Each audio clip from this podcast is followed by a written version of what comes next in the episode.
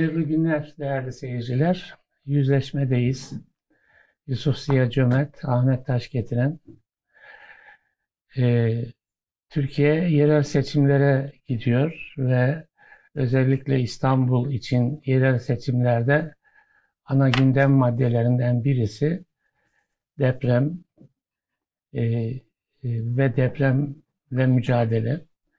Bunun yanında 6 Şubat yaklaşıyor. E, 11 ilimizi vuran depremin yıl dönümü. Kahramanmaraş merkezli.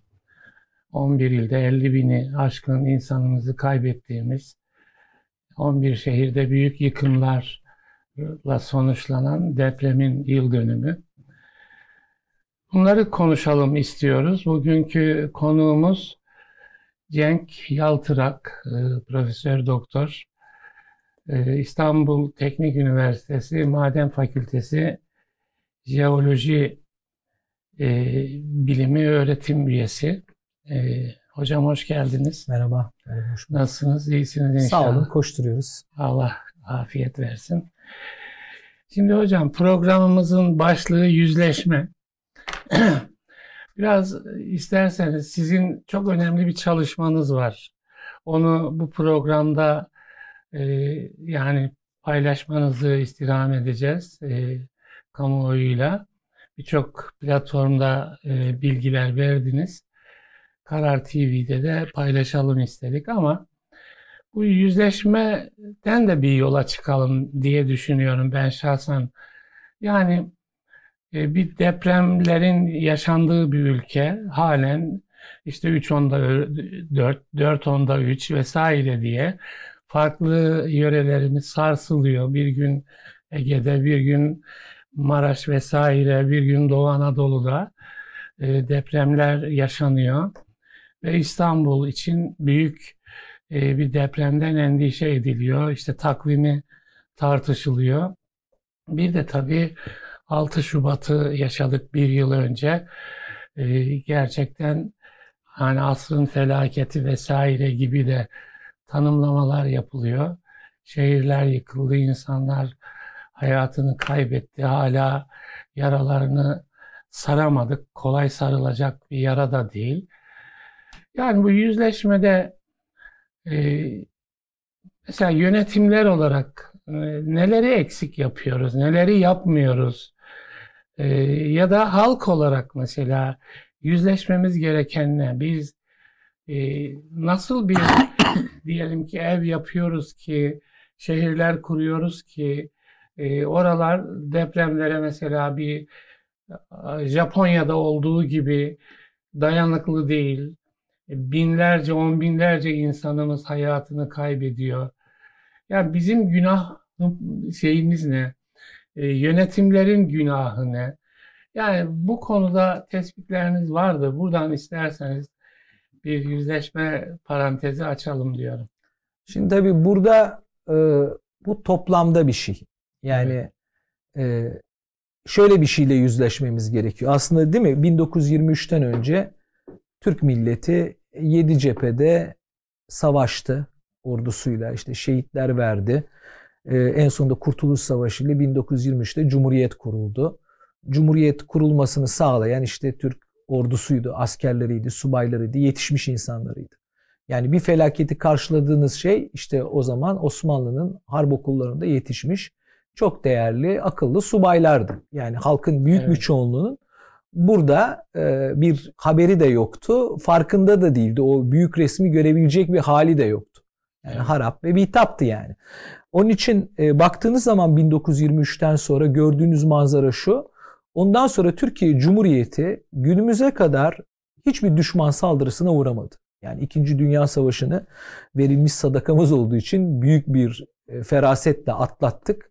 Yani ülkemiz e, bir Alman, bir Rus, bir de Amerikan işgali görebilirdi. E, tarumar olabilirdik. Çünkü yeteri kadar güçlü değildik. Ama o korkularla biz ne yaptık? Harp okulları kurduk, harp akademileri geliştirdik, gelişmiş teknolojiler, silahlar o gün neyse onları almaya çalıştık. Milli savunma doktrinimizi geliştik. Ama ne oldu? Sonuçta hiç savaşmadık. Ama çok para harcadık. İnsan kaynağımızı yönlendirdik. Çünkü hakikaten stratejik olarak önemli bir yerdeyiz. Bunun da farkındayız koruma. Peki kim saldırdı bize? Yani Erzurum Narman'dan başlayın. 39'dan sonra defalarca büyük deprem oldu. Evet. Birkaç 10 saniye içinde binlerce insan öldü. Ekonominin önemli bir kısmını etkiledi ve Türkiye geliştikçe daha büyük hasar vermeye başladı. Ve biz bunlarla başa çıkabildik mi? Çıkamadık. Çünkü ne yaptık? Buna karşı bir ordu kurmadık. Böyle bir vizyon olmadı. evet. Halbuki harp okulları kurduk mu? Kurduk. Kurduk. Fakültelerimiz var. İnşaat, maden, jeoloji, jeofizik, deprem mühendisliği. Yetiştirdik insanları. Yani subay yetiştirdik. Evet. Peki onların içinde kurmay yetiştirdik mi? Yetiştirdik. Master ve doktora yaptırdık. Peki o master doktora yaptırdığımız insanları bir kurumun altında toplayıp ona para harcadık mı? Harcadık. Harcadık. Evet. Harcamadık. Çok hiç çok, o paralar yani bir uçak parası harcamadık. Evet. Yani bazen bir tank parası, bazen bir füze parası, bazen bir gemi parası harcamadık yani yer bilimlerinde. Ha yer bilimleri. Tabii Evet. yer bilimlerinde. Şimdi Evet. o ordu hangi ordusu? Bilim ordusu. Bilim Bilim, ordusu, ordusu gerçek düşmana karşı tedbir alabilecek tek kuruluş, kurum bu bilimleri yapan insanlar. Şimdi Japonya'yı, Amerika'ya örnek verdiğiniz zaman aslında yanlış bir örnek vermiş oluyorsunuz. Çünkü Amerika'da 1905 San Francisco depreminden itibaren Amerika'daki insanlar, bilim insanları bu felaketle teknik olarak ilgilendiler. Binaların yönetmeliklerini yaptılar. Milyarlarca dolar bilimsel araştırma yaptılar. Yer bilimlerine para ayırdılar. Bütün o fayları çok iyi çalıştılar, haritaladılar ve yeni teknolojiler geldikçe tekrar tekrar bunu yaptılar ve bir bilgi birikimi oluşturdular. Aynısı Japonya'da da var. Yani Japonya'da bir zaten kadim deprem bina geleneği var. Ahşap özel binalar yapıyorlar. E, 1900'lü yıllardan itibaren Japon insanları da e, çalışmaya başladılar. Bilimsel dünyanın en önemli formülleri, bilim adamları, sismologları Japonlardan çıktı. Bu önemli konuda. Şimdi baktığınız zaman bu ülkelerde yapılan yönetmelikler, şeylerin hepsi çok uzun soluklu. Yani bizim bilimsel hafızamız o kadar değil. Bizim en iyi yönet bizde Maden Tetkik Arama Kurumu Türkiye'nin maden doğal kaynaklarını araştırmak için kurulmuş bir enstitüydü. Yani bir araştırma enstitüsüydü. Sonra bir kuruma çevrilince o e- bilimsel araştırma niteliği azaldı. Doğrudan doğruya probleme yönelik çalışmaya başladı. Bunun içinde de küçük bir departman aktif fayları çalıştı. Yani siz e, koskoca bir düşmana savunmak için e, bir avuç gerilla yaptınız. Yani oradaki insanlar can fed- fed- fedakarane ellerindeki imkanlar ve bütçelerle yıllarca bir şey yapmaya çalıştılar. Aynısı deprem mühendisliğinde. 1974'te ilk deprem yönetmeliğiniz çıktı sizin. O yönetmeliği bile kendi oluşturduğunuz bilgiden almadınız. e, Dışarıdan getirdiniz ve onu düzenlediniz ülkeye göre. Yani şimdi burada baktığınız zaman demek ki şunu anlıyoruz. Gereken bilimsel, Bilimsel birikim. bilimsel nüve ve o, o şey yer bilimlerinde bir türlü oluşamamış. Yani çok iyi yer bilimciler var Türkiye'de ama işte e, dağınık tespih taneleri gibi. Onlar bir araya gelip gerçekten bu deprem konusunu çalışacak bir kurum oluşturmamışlar. Çünkü sel gibi olmuş. 1938'den 44'e kadar devam etmiş sonra birdenbire durulmuş olay. Ondan sonra çalışanlar biraz daha rahat az büyük deprem olan bir ülkede yani e, Ulubat Manyas depremi 1953 o- oraya oraya kadar e, bakıyorsunuz bir depremden işte Ege'de bazı depremler var. Ama yani bunlar 7'nin üzerinde büyük depremler değil. Onun için de biraz hafıza da zayıflamış birdenbire. İlgi de zayıflamış. Yani mesela e, sizin deprem araştırma enstitünüz var. e, onu kapatıyorsunuz. Başka bir yer açıyorsunuz. Oraya koyuyorsunuz o insanları. Halbuki Japonya'da da Amerika'da da geleneksel olan kurumlar var. Onlar 100 yıldır oradalar. Orada çalışanlar 30-40 yıl orada çalışıyorlar. Bir hafıza Ha, birikimi. kurumsal hafıza oluşuyor. Ho- Şimdi Hocam bir- bu anlattıklarından biraz da şöyle gö- görmeye çalışıyorum. Depremler ara sıra gelmiş bizi bir dövmüş. evet. Dayağı yedikten sonra birkaç gün arkasından bir çalışmışız. Sonra tekrar yavaş yavaş gevşemişiz. Evet ama kapasite olmadığından dolayı yani bu kimyasal reaksiyon gibi yeteri kadar katalizör koymazsanız reaksiyon gerçekleşmiyor. Yani bilimsel olgunluk gerekiyor. Yani o bilimsel olgunluğun oluşması için de insanların e, bir vizyon peşinden gitmesi gerekiyor. Yani şimdi siz bakarsanız Kurtuluş Savaşı'na 10-15 tane subayın vizyonu. Değil mi? Evet. Ama arkasında koskoca bir orduyu yeteneklerini oraya kanalize etme yeteneği. Bizde o orduyu kanalize edecek bir nüve oluşamamış bir türlü. İnsanlar da kişilerden kalmış. Kişiler de bunu başaramamış. Yani e, Türkiye Cumhuriyeti'nde bilim kültürü şunu dememiş. Ya bizim en önemli sorunumuz deprem. Biz bir deprem hafızası oluşturalım. Böyle bir kurum kuralım. Sırf bunu. İşte Deprem Araştırma Enstitüsü gibi kurulmuş bir kurum. Yani 50'li yılların sonunda kuruluyor. Ondan sonra işte e, bu 2000'li yıllarda da kapanıyor, kapatılıyor. Yani kitapları var, raporları var ama o raporlar da hayata geçememiş.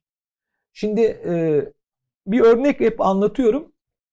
E, 2002 yılında Marmara Denizi ile ilgili çalışmalarım yayınlandıktan sonra e, durumun vehametini yani böyle bir işin yapılması gerektiğini yansıtan 3 tane rapor hazırladım. Aynısı 3 tane kuruma gönderdim. O kurumdan bir tanesinden geri dönüş aldım. Dinlediler beni. Ondan sonra dediler ki ya bu ciddi bir konu ama biz bunu yapamayız. Neden? E çünkü Türkiye'nin imkanları çok büyüktür. Türkiye büyük bir ülke, güçlü bir ülke. Her şeyi yapabilir ama bu bütün her şey dağınık tesbih taneleri gibidir. Bunları bir otorite ipe dizmeye kalkarsa o ip her zaman çürük olur. Onun için kendiliğinden olması lazım. Hocam çalışacaksınız siz yapacaksınız. Yani 2000 yılını Evet. düşünün. yıl- 2002 yılı. Yani o zaman 2002 yılından bugüne Yani kadar 99'u yaşamışız. tabii değil mi? 99'u yaşamışız. Yaşamışız. Yani 2002 yılından beri benim arkadaşlarım, çevrem devamlı bu konuyu konuşarak yaşadık. Yani biz o zaman araştırma görevlisiydik. Şimdi hepimiz profesör olduk. Ama artık bu o kadar olgunlaştı ki bu fikir. Ne yapılacağı konusu. Şimdi bir hamlede bulunabiliyoruz. Yani 20 yıl falan geçmiş oluyor. evet. Değil mi? O tarihlerden bu zamana. Bu süre içerisinde e, yani deprem konusunda yeterli duyarlılık ve ona karşı bir takım tedbir alma şeyi oluştu mu? Ya oluşamaz o. Çünkü siz e, şöyle bir şey. Yani bir hastanın 5 doktoru olursa o ameliyat olamaz. Evet. Yani buradaki problem o. Yani 5 tane ayrı yani birisi MR yapıyor, birisi röntgen çekiyor, birisi ultrason yapıyor, biri kan tahlili yapıyor. Her biri kendi elindeki veriyle başka bir şey söylüyor. Öyle bir durum mu var? Evet öyle bir durum var. Yani yer bilimlerinde bütün verilerin bir yere toplanıp bir vizyonla yapılması gerekiyordu. O yapılmadı. Yapılmadığı için de doğal olarak e, farklı şeyler söyleyen uçlar oluştu. Bu uçların yarattığı bir karmaşa başladı ve iki, işte 2002 yılında söylediğim şey bu karmaşaydı, bu tehlikeydi. Evet. Yani o zaman dedim ki bütün verileri bir araya getirelim. Bir çalışma grubu oluşturulsun. Herkes gelsin. Hocalar gelsin. Gençler haritalasın. Hocalar baksın. Bu haritada ikna olalım. Ondan sonraki yapılacak işleri bu haritanın üzerine yapalım. Ama öyle olmadı. Herkes kendi haritasına, kendi makalesine baktı. O zaman ortada 4 tane, 5 tane harita oldu. Şimdi hocam 1999 depremi ki bunu e, içinde olmayarak İstanbul'da yaşıyorduk o zaman. E, şahit olduk yani en azından depremin hemen ardından bölgeye falan da gittik. Yani başımıza gelen felaketin ne olduğunu an- anlamaya çalıştık. Şimdi o günden bugüne aşağı yukarı 25 yıl geçti. O sıralar eee, yani Marmara depremi oldu ama daha büyüğü İstanbul'da olabilir diye bir endişe vardı. Daha 1999'da. Aslında bir şey düzeltelim. Deprem, geçen deprem Marmara'da olmadı. İzmit Körfezi'nde Evet, oldu. İzmit'te oldu. Yani Gölcük depremi diye. Gölcük depremi diye. Onun Evet. için e, depremin Marmara'da olduğu lafı çok yaygın kullanıldı. Bölge olarak, coğrafi bölge İşte olarak ama söyledim ben. kullanıldığı anda hayır onu belki de Evet. dinleyiciler için de çok Tabii. önemli. Evet. Fayın kırıldığı nokta yani bittiği yerin ucu hemen hemen Tuzla açıkları.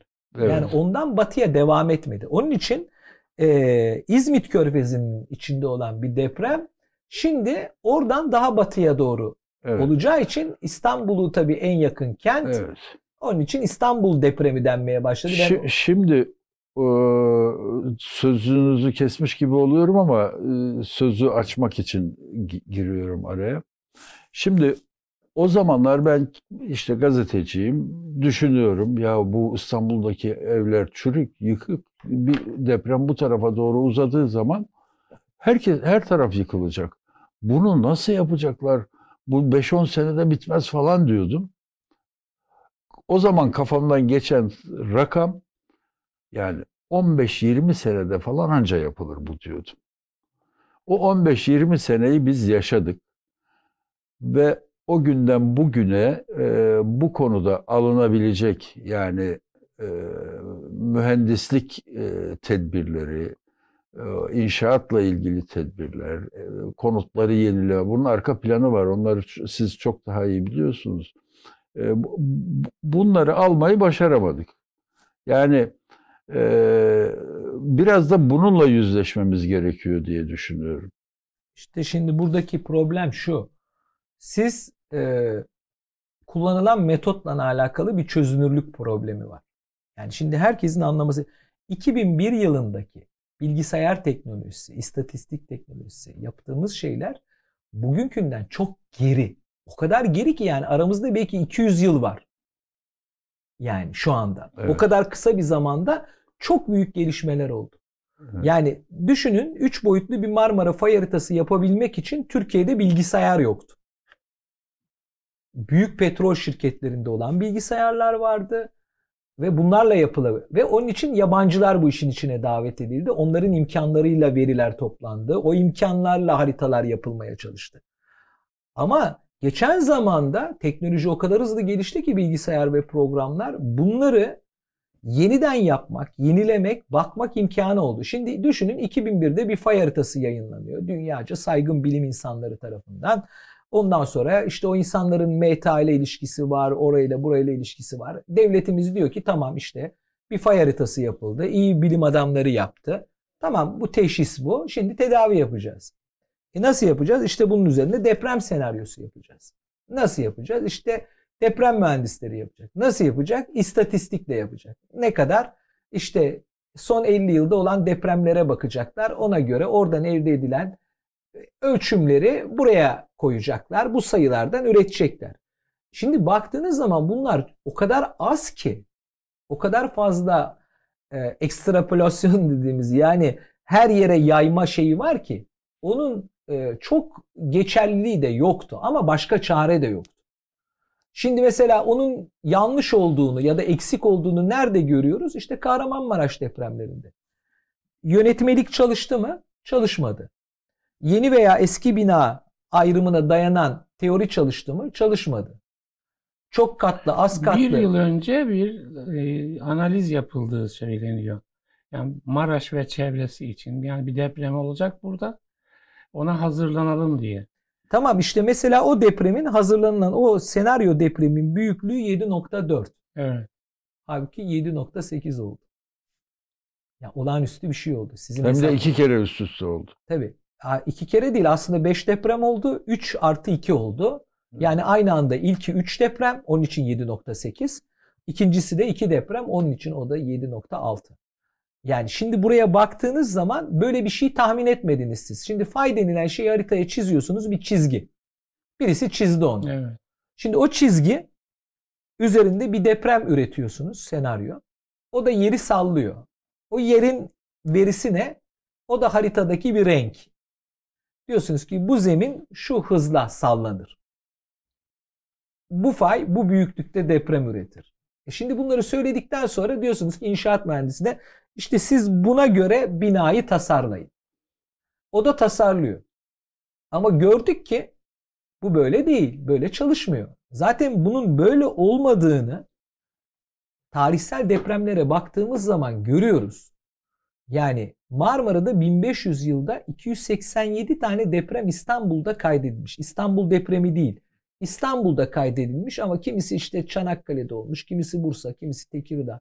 Marmara'nın etrafında 287 tane deprem kaydı var. Kayıt sadece. Ama bunun içinde 38 tanesi 2'den fazla merkezi yıkmış. Yani en az iki yerleşimi etkilemiş. E şimdi bakıyorsunuz bunların içinde 3 tanesi Bu 38'in içinde 3 tanesi Saros Körfezi'nden Bolu'ya kadar olan alanı etkilemiş. Yani demek ki 3 tanesi de olağanüstü. Ama bunların zaman aralıklarını koyduğunuz zaman bunlar arka arkaya çok kısa zamanda oluyorlar. Yani bir tek fay varsa kısa zamanda birçok deprem olma olasılığı yok. Şimdi mesela e, bakalım bu kırılan yerler var ya. Buralarda en az 600-700 yıl deprem yok bir daha. Ama kırılmayan yerler var. Şimdi onlar riskli.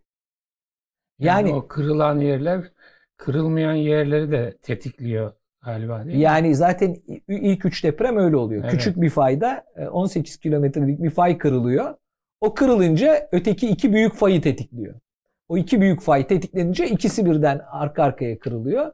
Sonra işte 9 saat sonra bu sefer daha kuzeyde olan Bu başka. depreme karşı hazırlıkta depremin e, boyutları mı ölçülemiyor da bu kadar büyük yıkım gerçekleşiyor? Yoksa zaten yani deprem hiç dikkate alınmadan e, yapılaşma oluyor. Ondan mı bu kadar büyük yıkım gerçekleşiyor? Yine tıbbi örnek verelim. Bu iyi bir örnek oluyor. Şimdi bir odada 50 tane adam var. Evet. Kadın, erkek, karışık.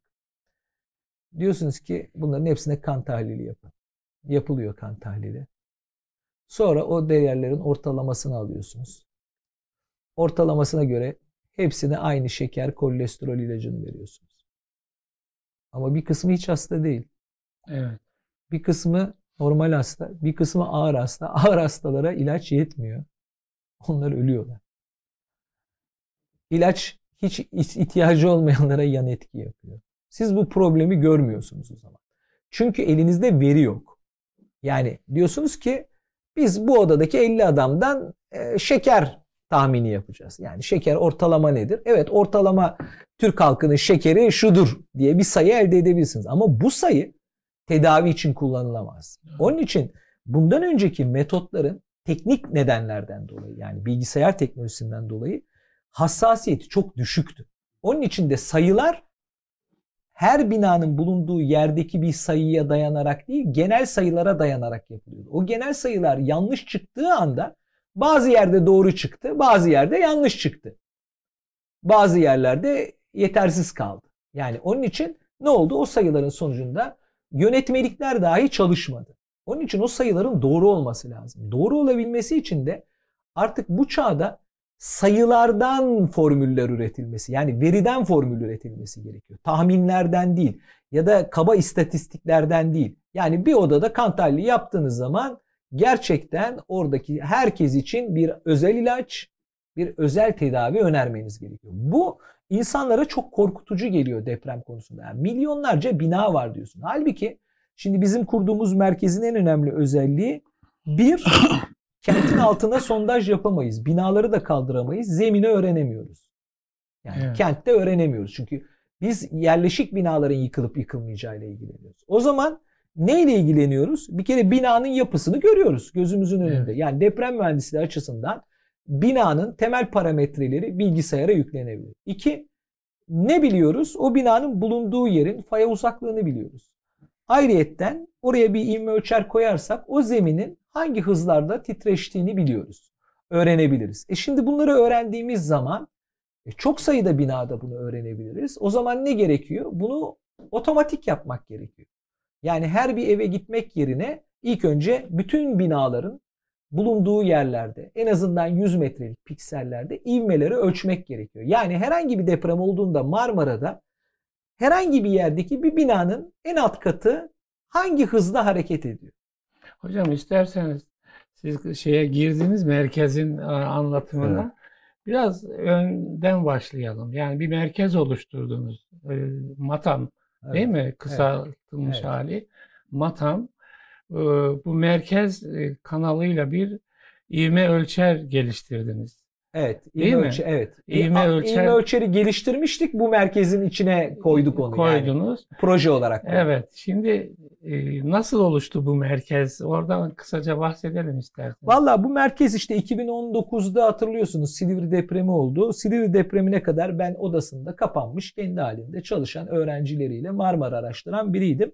Silivri depreminden sonra e, depremin olduğu yerde fay yoktu haritalarda. Evet. Ama bizim haritamızda fay vardı. O fay vardı bizim haritamızda. Yani siz bir ekip olarak Evet, çalışıyorsunuz. yani Ayrıca benim doktora, evet, var. doktora öğrencimin yaptığı, benimle beraber yaptığı haritada o fay vardı. Yani Evet. normalde olmaması gereken bir deprem olmuş. Evet yani eski orada bir deprem göre. oluyor ama Evet. haritalarda orada bir fay yok. Ee, onun üzerine bizim haritamızdaki fay orada olunca e, dikkat çekti. Evet, Dendi ki ya bir dakika ya bir başka fay haritası daha varmış. Evet. Bu sefer herkes dedi ki ya bunu kim yapmış? İşte bunu Cenk Yaltırak ve öğrencileri yapmış. E peki bu adam bunca yıl neredeydi? Sonra öğrendi ki meğerse Cenk Yaltırak 98'den beri bunu yapıyormuş yani Marmara'da. Evet. Ya o zaman işte Edi Budu büyük olmadığından e, duyulmuyormuş sesi. Yani daha ünlü insanların duyuluyor. E, Evet. Daha etkili insanların duyuluyor. Bizim hocalarımızın duyuluyor. Yani herkes dükkanın sahibini tanıyor. Kimse arkada yemeği kimin yaptığını bilmiyor. Yani Evet. önemli olan burada böyle bir şey vardı. Ondan sonra o tarihten itibaren depremlerde her olan depremde şans eseri bizim benim bir araştırmam olan yerde oldu. Mesela işte bu Ayvacık'ta olduğunda Türkiye'nin uluslararası ortamda yayınlanmış, denizde yayınlanmış tek fay haritası bana aitti o bölgede. Evet. Yani o dikkat çekti. Yani burada Cenk Yaltıran çekti. Sonra Sisam depremi oldu. Yine aynı şekilde. Yani arkasından işte depremler teker teker olmaya başlayınca e, buradaki benim işaret ettiğim problem yani e, çözünürlük problemi de gündeme gelmeye başladı. Dedim ki bu haritalar yetersiz. Zaten bu haritaların e, yetersiz olduğunu depremlerde görüyoruz. Yani denizin içindeki fayda deprem olduğunda biz şeyi göremiyoruz. Fayı göremiyoruz. Ama fay geliyor bizi yıkıyor. Yani 74 kilometre uzaktaki İzmir'de bir yeri yıkıyor. Özel durumundan dolayı. E peki bunların niye biz bilmiyoruz? Çünkü denizde faylarımız yüzme bilmiyor.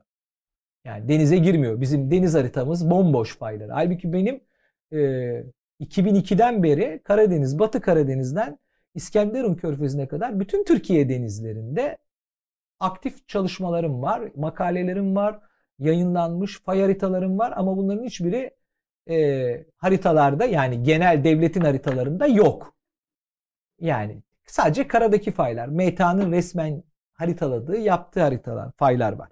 Şimdi onlar olunca dikkat çekmeye başladı. Bu depremler oluyor. İşte orada Cenk Altırak yapmış. Burada Cenk Altırak yapmış. İşte Marmara'da farklı bir şey söylüyor. Marmara, Marmara'da 3 boyutlu fay haritası yapmış. İşte bunlar 3 boyutlu stres analizi yapmışlar. Yani daha önce yapılmayan şeylerin her birini yapmışlar. E, peki ne ne olacak sorusunu sordu herkes. Ve ben herkese yine aynı şeyi söyledim. Yani dedim ki e, kurumsal bir yapı olması lazım. Yine yani belirtmek lazım belki. Hatırlarsanız 2022'de bir Düzce depremi oldu. Evet. Küçük bir depremdi ama e, AFAD orada hemen gitti oraya müdahale etti falan. E, o zaman e, Yunus Sezer'di başında AFAD'ın Evet. E, ve e, benim e, değerli dostum Orhan Tatar da e, deprem e, hasarları ile ilgili bölümün başına atanmıştı. Orhan benim bu teknik olarak itirazlarımı çok iyi biliyor. Dedi ki ya yani bir ara gel de başkana anlatalım demişti. Tesadüfen o Düzce depremi de ben Ankara'ya gidiyordum. Dönüşte Ankara yolundan e, Yunus Sezer'le tanıştırdı beni ve Yunus Sezer bizi Ankara'ya davet etti 2022'nin e, Kasım ayında. Orada bir konuşma yaptık. Marmara'yı anlattım. Problemi anlattım.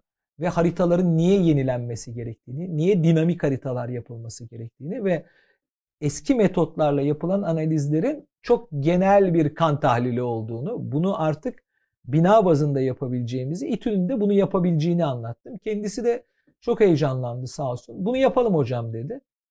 Ama dedi bizim şu ara işimiz çok yoğun. Aralık ayı. İşte 2023'te bakalım. 2023 Ocak oldu. İşte hocam toplantılar var. Şubat ayında bir araya gelelim. Orada da Şubat'ın ilk deprem. haftası. İlk haftası deprem oldu. Evet. Ondan sonra yani e, o tarihten sonra zaten arkadaşlar yani Orhan Tatar'da, Yunus Sezer'de tamamen o olaya odaklandı. Ama benim orada söylediğim bir söz var. Kendileri hatırlarlar.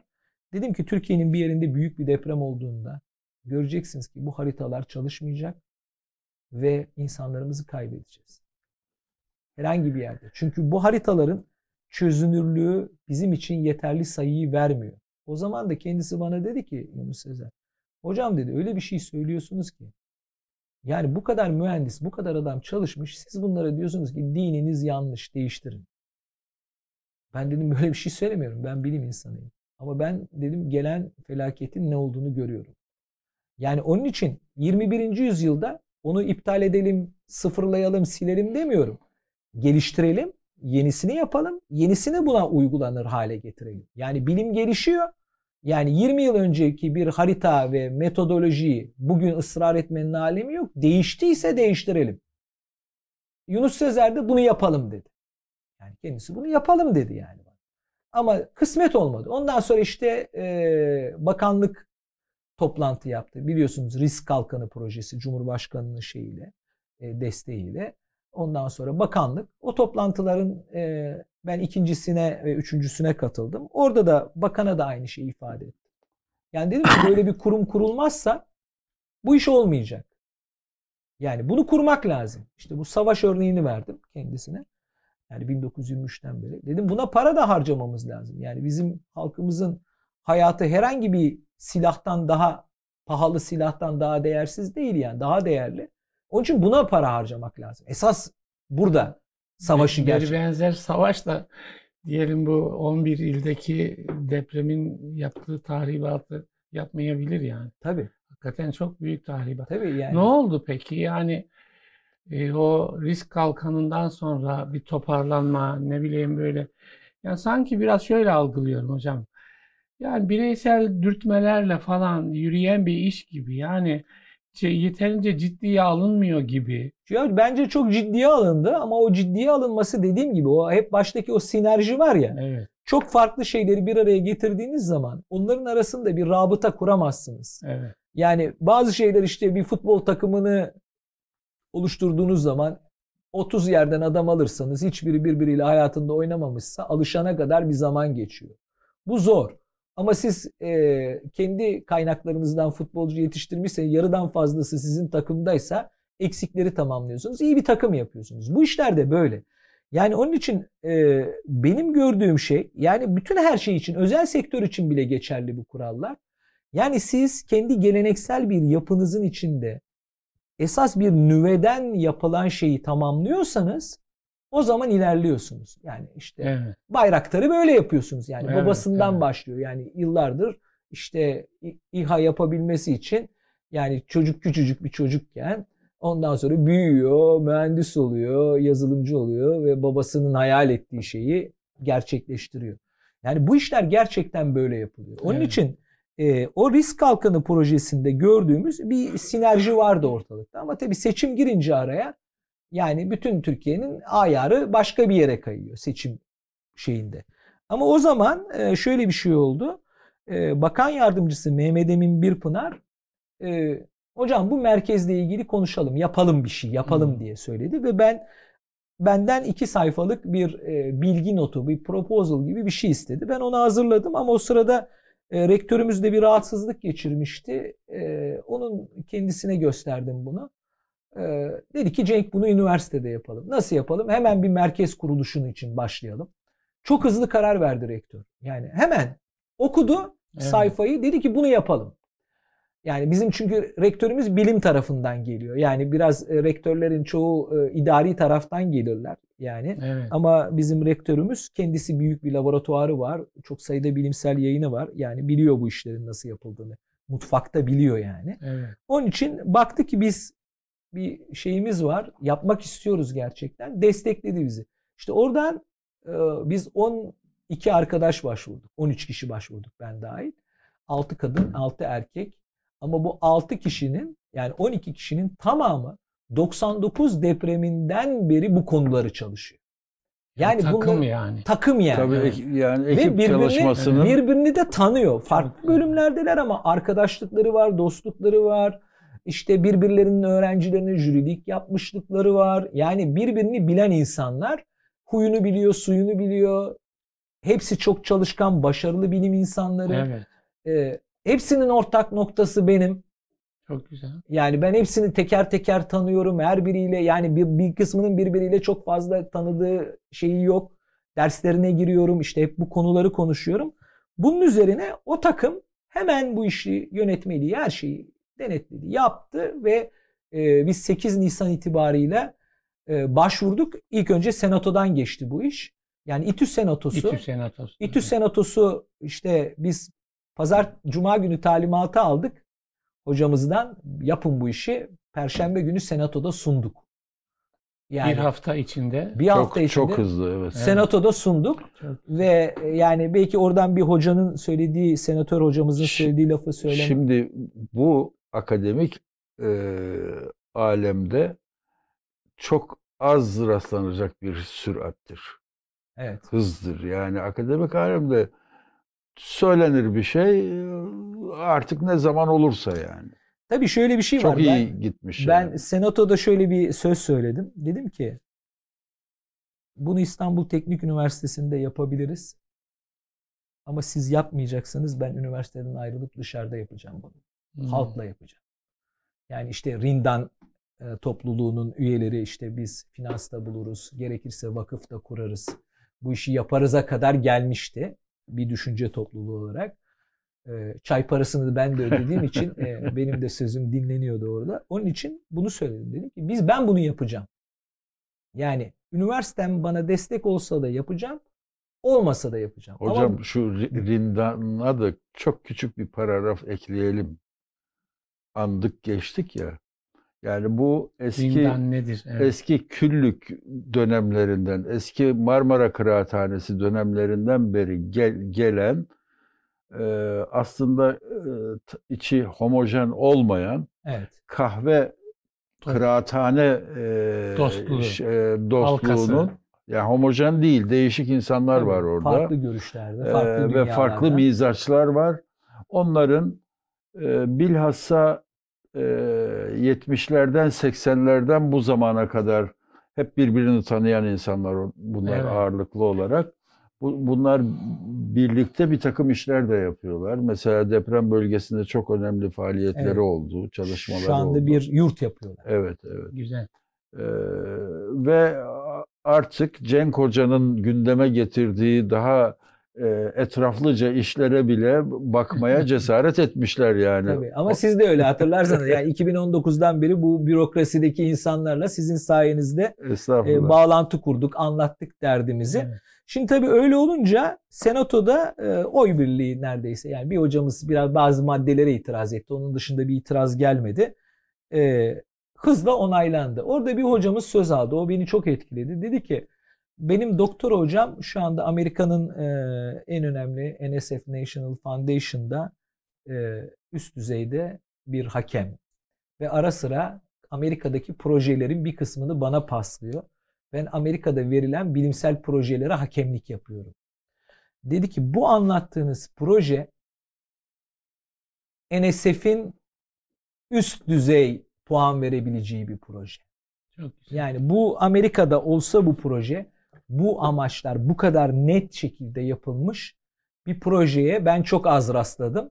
Yani bu proje rahatlıkla Amerika'da geçerdi. Hocam NSF'i bir açın. Na- National Science Foundation yani Amerika'nın. Ku- Kurumu, Evet, evet. evet. Amerikan e, en önemli e, para veren bilim kurumu Amerikan devletinin desteklediği ama bağımsız bir kurum. Bizim TÜBİTAK'ın Evet. daha bir üst düzeyde bir hali. Yani e, onu söylediği zaman e, ben tabii çok moralim de düzeldi. Yani e, çünkü Evet. şöyle bir şey deprem öncesinde benim şöyle bir psikolojim vardı. Uzun zaman mücadele ettim ve başaramadım. Yani o Evet. tesbihlere ne ip yapabildim ne de tesbihleri. Onun için de eşimle de konuştuk. İşte doktora öğrencilerim var. Onlar bitirdikten sonra emekli olalım. İstanbul'dan artık ayrılalım. Biz beklemeyelim bu olayı. Yani biz beklemeyelim yani. Herkes bekliyor. Çünkü biz bir şey yapamadık. Yani ben hep kabahati kendimde buldum. Yani başkalarını suçlamak çok kolay bir şeydir. İnsan kendi gerektiği çabayı, gereken şeyi göstermezse onu yapamaz. Evet. Yani yani siz özel çaba harcamanız gerekiyor bir şey. Israr etmeniz gerekiyor. Yani ben 2016'da işte bu Rindan ahalisine gittiğimde benim dünya görüşüm, hayat tarzım tamamen onlardan başkaydı. Yani benim bir araya gelme ihtimalim bile yoktu ama bir gazeteci sizin de yazarınız Mevlana İdris'le bir Süleymaniye'de bir cuma günü işte bir ağaçla ağaç konusu. Fatih Camii'nin ağaçları konusunda yaptığımız bir konuşma, ağaçlar kesilmesi iyi mi oldu, kötü mü oldu diye sordu. Hatta gazetede yazısı da vardır. Ben de kendisine dedim ki ağaçlar temelin içindeki suyu da çekiyor. Onun için binanın içine rutubetin ilerlemesini engelliyor. Ağaçları kestiğiniz zaman binanın altındaki rutubet ve su binanın içine yürümeye başlar. Onun için taşları çürütür. Ağaçların Fatih Camii'nde kesilmesi doğru bir şey değildir dedim. Kendisi sağ olsun ondan sonra e, ki sohbetlerimizde dedi ki hocam ben sizi bir yere davet edeceğim. E, Sizin Mevlana İdris ve Rindan'la münasebetleriniz ayrı bir sohbet konusu. Yani onun üzerine inşallah. onun üzerine onlar da depremle, doğa bilimleriyle tanıştı. Kendilerinden çok uzak bir dünyaydı. Evet. Yani genellikle edebiyat, siyaset, politika konuşan insanlar işte iklim, deprem, ondan sonra ülkenin alması gereken önlemler, yani bu yer bilimlerinin problemlerinin toplumsal problemlere nasıl dönüşeceği konusunda bir sürü seminer verdim. Onlar da çok şey öğrendim. Onlar da öğrendiler. Ama işte bu şeyde e, önemli bir payı var.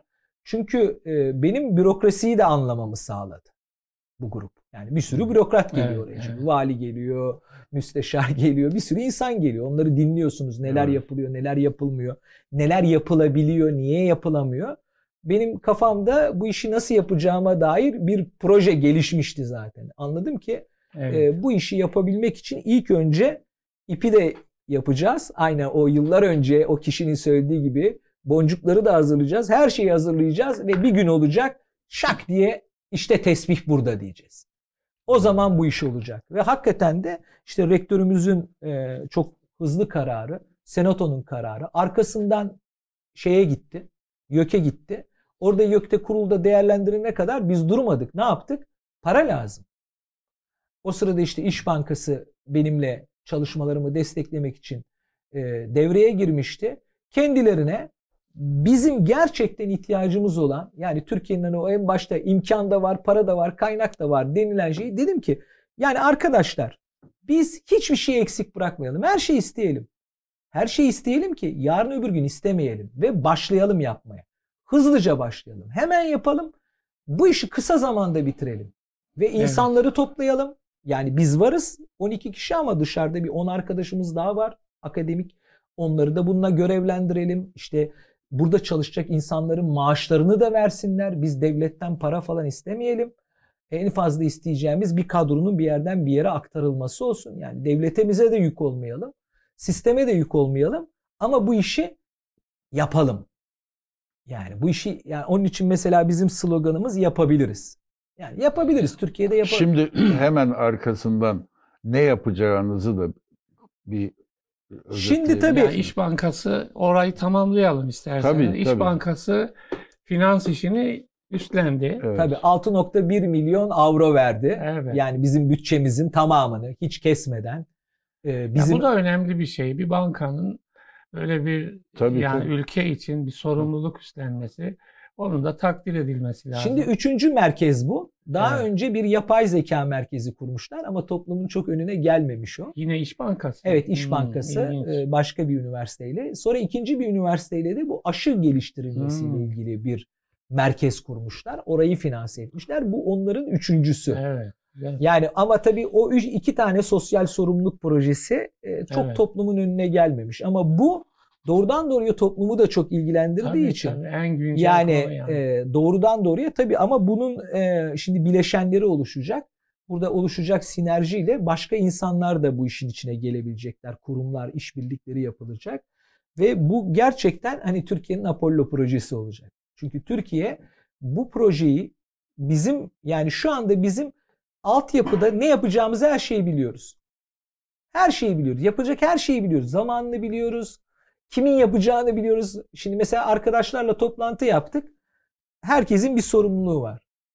Ben Evet. şimdi onlara söylediğim şey arkadaşlar bundan sonra bana dünyayı şikayet etmeyin. Paranızı burada yapın.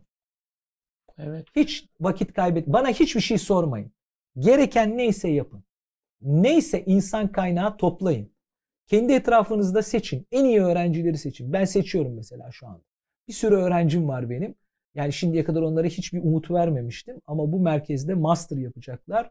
Yani iki tane dal yapmış mesela. Hem jeoloji hem jeofizik okumuş. Hem jeoloji okumuş hem geomatik okumuş. Hem jeofizik hem inşaat. ikisini Yani en iyi İTÜ öğrencilerini şimdi biz bunun içine topluyoruz. Yani bir nüve gibi aslında Tabii. bu merkez şu anda değil mi? Şimdi şey oluşturuyoruz. İlerinin Evet. en iyi uzmanlarını burada yetiştireceğiz. Yani bizim bizden çok daha iyi olacaklar. Yani bizim kapasitemizden çok daha ileride olacaklar. Yeni teknolojileri uygulayacaklar. Hatta bize öğretecekler. Yani biz geride kalacağız. Yani ben ne kadar teknik bir adam olsam da e, benim doktora öğrencim birçok konuda benden çok iyi. Çünkü ben o Evet, konuları çok öğrenmem önemli. için Bunu bir vakit ayırmam lazım. söylemesi Tabii, de tabii, vakit tabii. ayırmam Evet. lazım. Yani benim yaptığım metot ve dünya yani benim hocalarımınki de dahil olmak üzere kabul etmemiz lazım ki klasik olarak bir dönem bir geride kalmaya başladı. Bizim bir an önce yeniliklere adapte olmamız lazım. Klasik anlayışı artık yani bir jeoloji araştırması yapıyorsunuz, oturuyorsunuz, makale yazıyorsunuz, onu bir dergiye yayınlıyorsunuz. Yayınlandı. Ne oldu? Yayınlandı. Burada bir tane daha oldu. Bir tane daha oldu. Bir tane daha oldu. 50 tane oldu. 100 tane oldu. Atıf sayınız 50 bin oldu. Peki ne oldu? Evet. Ne oldu? Şimdi yani bu- topluma ne evet. döndü? Ben Son- söyledim, vazifemi Evet. yaptım. O değil, doğru değil o. Evet. Yani bilim adamının çeşitli şeyleri var, elbiseleri var. Bunun bir tanesi etik olarak kendi işini iyi yapmak. Bilim yapmak. Çok tamam. önemli, Bu önemli. Peki etik olarak ikinci bir sorumluluğu var. Bu kendisine harcanan paranın karşılığı olan vergilerle aldığı maaşın hakkı olan insanların ihtiyaçlarını ve problemlerini çözmek. Onu çözecek. Evet. Ondan sonra bir de bunun içinde üçüncü bir şeyi olması lazım. Vicdanlı bir adam olacak. Yani kimseye ezmeyecek, mobbing yapmayacak, insanları bir araya getirecek, kavgayı değil beraberliği gösterecek. Yani kendisi kavga etse bile kavga etmeyi bırakacak. Kendini değiştirecek böyle bir problem karşısında. Bunlar da bilim insanı ahlakı. tabii değişmesi bu da ayrı gerekiyor. bir başlık. Tabii değişmesi gerekiyor. Evet. Onun için bu merkezi biz kurmaya başladığımız andan itibaren arkadaşlar dün çok umut var ve neşeliydiler. Bir, çünkü onlara birdenbire şey gibi geldi, doping gibi geldi. Çünkü Çok güzel. çok karamsar bir tablodan yani evet deprem bölgesinde gördükten sonra yani evet ne yapacağız? Yine kendi işimizi yapacağız. Her şey unutulacak. İşte yine bir deprem olacak. Yine biz gideceğiz, çalışacağız. Diyeceğiz ki bunlar oldu. Ama bir sonuç elde. Onun için ben burada ne belediyeleri ne hükümeti sorumlu görmüyorum artık. Çünkü bizim vazifemiz, yer bilimlerindeki vazifemiz konuşmak değil. Yani her gün her depreme bir yorum yapmak değil. Sonuçta ama gene de bir sorumlu yeri arayacaksınız. Yani sizin ürettiğiniz bilimsel sonuçları alıp işte ülke geneline değil mi yayacak, orada uygulayacak bir şey arayacaksınız yani. Şimdi bunu Mirgün Cabas sordu bana. evet. Bunun muhatabı. Ben de dedim ki gerçek muhatap kim biliyor musunuz dedim. Bizim halkımız. Evet. Siyasilerimiz değil. Bizim muhatabımız o evde oturan insan. Biz eğer ona gerçeği gerçeği açıkça söyleyebilirsek kendisi itiraz etse bile karısı, çocukları, kendi Evet. hayatı, kendi canı söz konusu. Onun için hepimiz yani hangi görüşte olursak olun dikkat edin tıbbi bir konu olduğu zaman doktoru hepimiz dinliyoruz. Çok az Evet. insan doktorun dediği ha bana ne diyor. Onun için bakıyorsunuz işte e, bir dini figürde MR'ın altında görüyorsunuz. Ondan sonra ateist onu herkesi görüyorsunuz onun altında. Çünkü herkesin ihtiyacı olan şey açık ve net olarak gerçeğin söylenmesi. Onun için o olursa tedavi olabilir ancak. Evet. Siz gerçeği söylemiyorsunuz. Bütün odadakiler hasta diyorsunuz. Adam ben ne yapacağım diye deliriyor. Çünkü odadaki herkes hasta. Ya o zaman bir şey yapmayalım. Hepimiz öleceğiz diyor en sonunda. Halbuki böyle değil. Yani bizim kurduğumuz sistem yani oraya gelelim. Şimdi biz bir kere Biraz fayı isterseniz süre de kısalıyor hocam.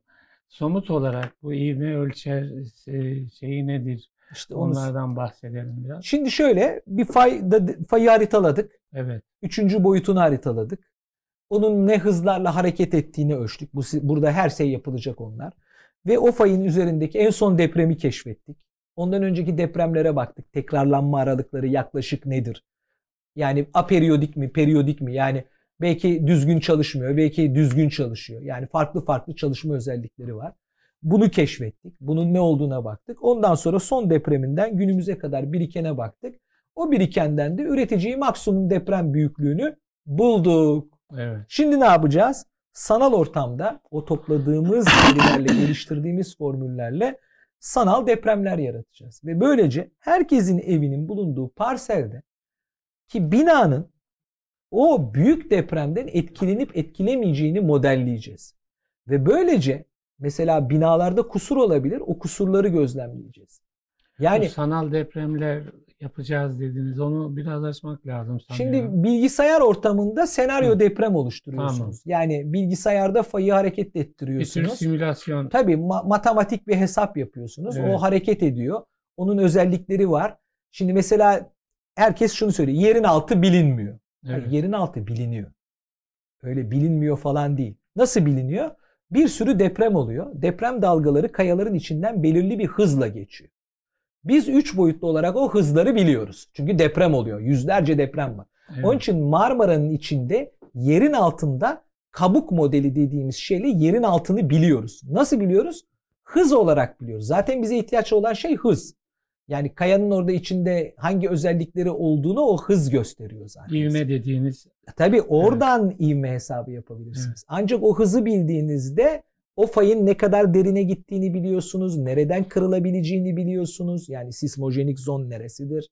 Yani insanlar tabii bu kadar derin konuları bilmesi gerekmiyor ama bu konuları bilenlere dinlemesi gerekiyor. Yani kim biliyor bu konuları kim bilmiyor. Yani fay denilen şey düz bir çizgi değil. Engebeli bir düzlem. Engeller var. Kolay çalışan yerleri var. Derine doğru gidiyor. Derine nasıl gidiyor? Onun bir eğimi var. Üzerinde depremin bir dağılımı var. Bazı yerlerde birikiyor, bazı yerlerde birikmiyor. Bunların hepsi artık yeni bilgisayar teknolojisiyle modellenebiliyor. evet. Nasıl anlıyoruz bunların doğru olup olmadığını? Örnek işte Silivri depreminde uyguluyoruz programı. Gerçek bir depremle bizim yaptığımız simülasyon aynı çıkıyor. SISAM'a uyguluyoruz.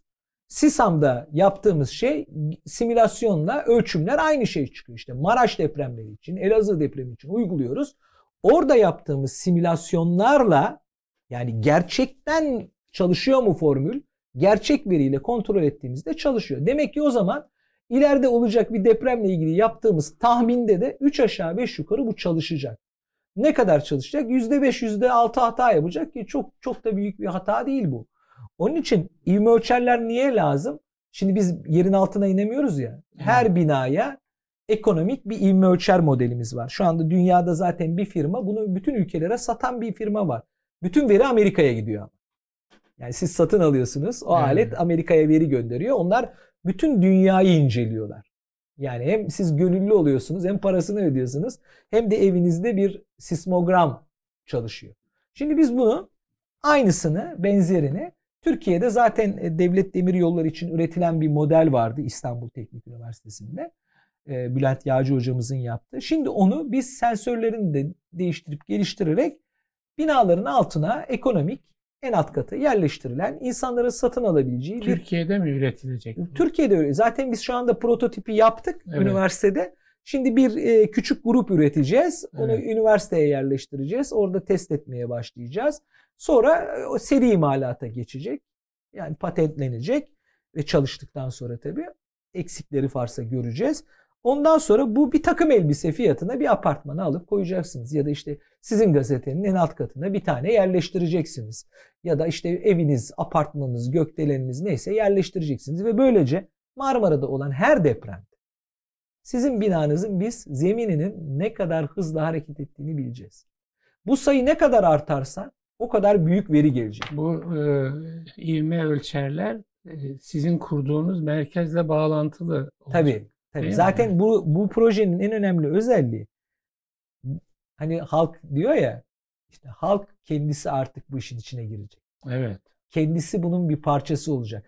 Yani belki adamın evinde 4 yıl 5 yıl o alet orada duracak. Onun internet bağlantısı üzerinden bize o binada her olan depremi bize iletecek. Yani bu veri tabanı oluşunca gerçek sayılardan oluşan bir şey yapacağız. Evet. İstatistik yapmayacağız. Yani herkesin binasının temelinde nasıl bir gizli zemin olduğuna dair bir fikir üreteceğiz. Karşılaştıracağız. Gariplikler olanları dikkate alacağız. O garipliklerin olduğu binalara belki yeniden hızlı analizler yapacağız. O binaların yıkılıp yıkılmayacağına dair modeller üreteceğiz. Ve böylece biz yani bunu ikinci yıl başlaması gerekiyor. Birinci yıl merkezin tamamlanması, e, araştırma birimlerinin içinde yerleştirilmesi, kurulması işte bir sürü şey var. Alet edevatın gelmesi var. Ondan sonra da bu hesaplamaların artık e, yapılabilecek konumda bu ivme ölçerlerin halka satılması ve buna artık katılması, insanların katılması. Kimse, Şimdi bu, bunun da biraz açılması gerekiyor zannediyorum herkesin anlayabilmesi için. Yani ivme ölçerle sizin yaşadığınız yerdeki zeminin eee, diyelim Marmara Denizi'nin içinde kırıl, fay hattının Tüm kırılmasıyla herhangi bir yerdeki bir fark. evet nasıl sizin zemininizin nasıl hareket hareket nasıl karşılık vereceği Evet. anlaşılıyor ve sizin Binayı Bu- onun üzerine buna göre tedbir test almanız. Evet, Evet. Buna göre test. Yani işte dedim ya herkese aynı ilaçlan olmuyor. Evet. Yani bir sokaktaki 10 apartmandan bir tanesi yıkılıyor. Belki bir süre sonra sizin kayıtlarınızda çıkan sonuca göre falanca binaya diyeceksiniz ki sizinki depreme dayanıklı değil. Aynen. Dolayısıyla bundan sonra tedbir alın yani. Tabii. Şimdi buradaki esas e, yapılması istenen ilk önce bu veri tabanı oluşacak. Evet. Bu veri tabanı oluşurken e, bizim bu konuyla ilgili arkadaşlarımız var. Şehir bölge planlamadan, geomatikten ve deprem mühendisinden. O binaların fiziksel yapısı bilgisayar sistemine girilecek. İlk önce kaç kat oldukları, ne zaman yapıldıkları. Yani bu Türkiye'nin yani Marmara bölgesindeki bir köydeki bina da buna dahil. Üç boyutlu bu sistemin içinde olacak ve biz o binaları yavaş yavaş bir bilgi tabanı oluşturacağız. Temel bilgi tabanı. Bunu oluşturduktan sonra hep burada halkın katılımı çok önemli. evet. Yani burada mühendislik öğrencilerinin stajlarını vermeyi düşünüyoruz. Bütün Tür- Marmara bölgesindeki üniversitelerde bir eğitim programı düşünüyoruz online. İşte burada binaları tanımlamak için, e, öğrenmek için işte bu istatistikler kamunun elinde olanları al- aldık ama olmayanlar var. İşte dökülüyor mu, yapılıyor mu, değişmiş mi? Bir sürü soru var. Bunların her birini yaparak mevcut en büyük o binanın bulunduğu yerde en yakın fay hangi büyük depremi üretiyorsa o bina hangi büyük ivmeyi görüyorsa ona göre tedbir alacağız. Yani bu aslında e, tam anlamıyla teşhis konmak. Evet. Teşhisi tam koyarsanız tedavi mümkün ve şöyle bir umudum var benim. Göreceğiz ki o 4,5 milyon binanın içinde acil yapılması olan gerekenler ortaya çıkacak. Güçlendirilmesi gerekenler ortaya çıkacak. Hiç dokunulmaması gereken binalar ortaya çıkacak. Bunların belki yaşı bile önemli olmayacak. Yeter ki e, mühendislik olarak bütünlüklerini korumuş olsunlar. Yani siz bu bakış açısıyla 1800'lerde yapılan İstanbul apartmanlarının hepsini yıkarsınız. Evet. Çünkü ama 1894'te yıkıldılar mı onlar Beyoğlu'nda? Yıkılmadılar. Yıkılmadılar. Evet. Yani onun için tarihi eserleri mi yıkacağız yani depreme dayanıklı mı değil mi diye. Evet. Onun için sadece evler değil burada söz konusu olan işte fabrikalar, köprüler, yollar. Yani burada veri oluştuğu zaman şuna inanıyorum ben. Veri oluştuğu zaman bilgi oluşuyor. Bilgi Tabii. oluştuğu zaman teşhis oluşuyor. Teşhis olduğu zaman da tedavi oluşuyor. Yani bugün artık yani örnek veriyorum ben şimdi benim dedem kalp hastası ölmüş. Benim babam da işte şekere bağlı kalp krizinden e, erken yaşta vefat etti 65 yaşında. E şimdi ben potansiyel olarak aileden hem anne baba tarafından şeker potansiyelim var hem de kalp. Şimdi ben ne yapıyorum? Değil mi? Devamlı bunları kan Dikkatli şekeri. davranıyorsun. Tabii dik- Evet. her- analiz ettiriyorum. Evet. Bakıyorum işte kalp için e, 3D anjiyo yaptırıyorum. Yani bilgisayar anjiyosu. İki yılda bir yaptırıp bir önceki kalbimle arada bir fark var mı? Bir şey var mı? Bir fizyolojik yani o zaman ne oluyor? Bu benim başıma bir şey gelmeden ben onu göreceğim ve hazırlanacağım demek. Şimdi herkesin hayatında yani en değerli şey kendi ailesi ve canı. Tabii. Yani burada ne maddiyat ne şey aslında yıkılacağını bildiğiniz bir binada e, oturmazsınız. O zaman politik karar verirsiniz. Evet. Yani insanlara bir karar verme şansı vereceğiz. Diyeceğiz ki ya kardeşim kimsenin derdini çözüyorsa git ona oy ver. Beni ilgilendirmiyor bu kısmı. Bakın hiç ilgilenmiyorum. Hangi Evet. politikacı, hangi kurum, hangi şey ne yapıyor hiç ilgilenmiyorum. Çünkü benim bir tek vazifem var. Onlara doğruyu söylemek. Ondan sonra halk doğruyu bildikten sonra e onlar da evlerinde oturuyorlar. Onlar da doğruyu bilecekler.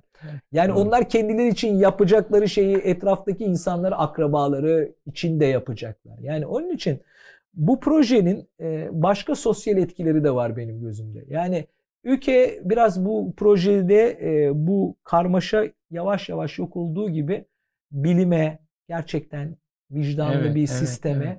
insanların e, güveni artacak. Bilimle temas kurduruyorsunuz. Ta- yani halkın tabii insanı. yani e, çünkü şimdi tabii bilim mahfilleri nasıl gelişiyor biliyorsunuz. Yani bir elitlik diye bir şey var. Ama bizde elitlik oluşamıyor. Çünkü bizim annelerimiz, babalarımızın hiç çok azı üniversite mezunu. Evet. Yani benim babam ilkokul 3'ten terk, annem lise mezunu. Annem e, 2. Dünya Savaşı'nda Üsküp'teymiş. 50'de 50'li yıllarda gelmiş Makedonya'dan ailesiyle. Babam 3 kuşak İstanbullu ama İstanbullu olduğu için İstanbul'u yağmalamak hiç akıllarına gelmemiş. Yani e, Samatya sahilindeki bir üç katlı eski ahşap evden başka hiçbir şeyleri yokmuş. Ve öyle de e, vefat ettiler yani. O, onu da zaten Doğru. üç kardeş bölüştüler. E, yani o baktığınız zaman e, benim e, alt kültürüm e, nereden geliyor? Ben Fatihliyim. Şimdi Fatihli olduğum için e, her tür insanla beraber yaşadım, büyüdüm, çalıştım, çalışarak okudum. Onun için belirli şeyleri insanlara anlatmanın yolunu biliyorum. Yani üstenci olmak ya da işte e, yani bir yerden koparak gelmek değil bu. İstanbul'un eski bir kültürü var. Yani özellikle Fatih'in bir kültürü var. Evet. Yani ben tarihsel depremlerle ilgileniyorum ama söylüyorum herkese. Ya ben bütün surların üstünde yürümüş bir çocuğum. Benim çocukluğumda surların üzerinde yürüyebilirdiniz. Benim çocukluğumda sokak köpekleriniz olurdu. Sokak köpeklerinizle gezebilirdiniz İstanbul'da. Denize girebilirdiniz Samatya'da. Ben de, Yani ben de belki- çocukken Samatya'da denize girdim Belki yani. sırf ta- e, Fatih'i korumak gibi bir misyon bile Tabii sizi şu Evet. alanda e, bu kadar derin çalışmaya Tabii. Yani onun için bütün yani. bu şeylerin içinde yani ben e, mutfakta yani emek vererek çalışarak okudum. Yani e, entelektüel kapasitemi e, Fatih yarattı benim. Evet. Yani Fatih'teki insanlar da çok değerli insanlarla karşılaştım, konuştum, tartıştım. Yani benim fikirlerimin oluşmasında, düşüncemin oluşmasında çok önemli payı var. E tabii o kültürden geldiğim için de yani hep bir bir şey yapma ihtiyacı var. Yani kendimi kurtarabilirdim çoktan. Yani yurt dışına gittiğimde kal burada dediler. Yok biz dedik vatanımıza döneceğiz. Yani buradaki imkanlar. Fa- Fatihli misyonu. Evet yani onun için e, diğer hocalar tabii onların da çevreleri farklı. E, en sonunda armut dibine düşüyor yani. E, Evet. Yani onun için biz de yani yaşadığımız çevredeki insanlar gibi düşünüyoruz. Yani kültürümüz oradan geliyor. Yani kitap okuma kültürümüz bile bizim sahaf kültürü yani. Evet. Te- e, sahafa gidersin, kitabı satın alırsın, ondan sonra okursun, götürürsün, satarsın, yine bir kitap alırsın. Belki kütüphanen olmaz ama çok okursun. Yani Evet. Fatih'te öyleydi Evet. yani. E, evine kitap alacak paran olmayabilir ama kitabı okuyacak imkanın vardır. Fatih'in öyle Evet. imkanları çoktu. Yani onun için benim e, dediğim gibi bu deprem konusu bizim açımızdan e, bu İstanbul Teknik Üniversitesi'nin işte bazı şeyler bir araya geliyor. İşte rektörün e, hassasiyeti, Mehmet Emin'in bu işte desteklemesi, işte Rindan Alemi'nin e, ya Cenk Hoca'yı biz her şekilde destekleyelim demesi. Ondan sonra çeşitli bürokratik kanalların bir kısmının oralardan açılması. Evet. Yani baktığınız zaman e, çok farklı görüşlerden insanlar bu işte çalışacaklar. Bu en önemli iş. Yani Türkiye'de şu anda belki de hiçbir politik veya şey kaygının olmadığı tamamen Se- senin bir şey. sözün vardı. Türkiye'nin beka sorunu depremdir diyordun bir ara. Evet. Yani tabii o en büyük beka sorunumuz. Yani Evet, mesela bu bütçeyi alırken şu örneği verdim. Dedim ki 1.2 trilyon dolar dönüyor burada. Ve Türkiye ekonomisinin %50'sinden fazlası. ihracatının, vergisinin ve nüfusun üçte biri. Ve Evet. eğitimli nüfusun %90'ı neredeyse. Yani en yüksek yani yüksek öğretim eğitiminin en yüksek olduğu oran. Yani en yüksek yani böldüğünüz zaman en yüksek oran burada. Yani Marmara bölgesi. Yani İstanbul değil. İzmit, Bursa, Sakarya, Balıkesir, Evet, Çanakkale, Trakya'nın şeyleri, fabrikalar burada. Her şey burada. Dedim ki benim istediğim para şuradaki ünlü şu gökdelendeki bir kattaki daire parası. Aynen doğru. Orada dedim ya da bir zenginin yatının parası. Türkiye bundan daha değerli. Evet. Orada hiç şey yapmadı Sayın Evet, Hakan Bey sağ olsun. Hocam dedi biz zaten sorunu çok iyi biliyoruz. Anladık. çok güzel. Destekleyeceğiz dedi. evet. Yani İş Bankası'nın tabii bizi desteklemiş olması e, rastgele bir olay değil yani. Muhakkak, Bu evet. çevrenin oluşması, bizim yaptığımız işi inanarak uzun süredir yapmamız, o arkadaşların çabaları. Yani benim yaptığım şey bir maestro olarak konseri başlatmak. Yani yoksa her şeyi benim e, bütün aletleri benim çalsam cümbüş oluyor. biliyorsun. 40 yıl artı bir yıl gibi bir şey olmuş bu da. Evet yani 30 30 30 yılım geçti benim Evet. teknik üniversitede. Evet. Yani onun sonunda e, işte hayatımız artık emekli olacağız falan derken e, üzücü bir şekilde yani Kahramanmaraş depremlerinin sonucunda bazı insanlar durup düşünmek durumunda kaldı. Yani belki işte 99'da büyük bir çukurun üstünden atlamıştı kamyon. Çok anlamamıştık ama üstünden bir sürü şey dökülmüştü. Sonra birkaç tane virajda çarptık falan ama bu sefer son virajda Evet. son virajda bayağı bir hasar gördük. Bundan sonra aynı şekilde devam edersek varacağımız yer iyi bir yer değil. Onun için herkesin bir yapabileceği şey var. Bizim yapabileceğimiz şey yegane şey bilim. İyi bilim yapmak. Evet. Çok güzel Yusufcuğum. Evet. Hocam çok teşekkür ederiz. ederim. Yani gerçekten biz de çok istifade ettik. İnşallah izleyenler de e, istifade edecekler. İnşallah. Yani e, hakikaten bilim insanıyla Tabii, tabii. dokundunuz yani. Böyle Tabii. bize dokundunuz, halka Evet. dokundunuz. O bile Ee, büyük bir heyecan e, sebebidir. Bu Çok teşekkür ayrıca da ediyoruz. hayırlı olsun yani Evet. verimli olur inşallah. Bu, Bu- bu zamana kadarki gelişi bundan sonrası için ümit veriyor. Tabii kısa zamanda ilerlediği Evet, için her şey. Yani, Yani- sonuçta baktığınız zaman Tesbih Nisan'dan tesbih inşallah böyle sağlam bir Evet. iple buluşması anlamına Evet. gelmiş olacak. Evet. yani Tebrik ediyoruz. Çok Sağ olun. teşekkür, Teşekkür, ederiz. dinlediğiniz için, şey yaptığınız için. Değerli seyirciler, bir yüzleşmede daha bulunduk. Ee, Değerli hocamız Cenk Yaltırak'la depremi konuştuk. Depremi konuşacağız ama ben ümitlendim. Yani Evet. çözüm yolunda çok önemli bir adımın atılmış olduğunu gördük. Dua edelim, gelişsin. Ee, hocamızın heyecanı büyüsün, şevki büyüsün, birlikte çalıştığı e, insanların yani bu bizim bizim insanlarımız e, bir emek ortaya koyuyorlar. Bunda ümit var, ümit var olabiliriz diyorum. Hayırlı günler diliyorum. efendim.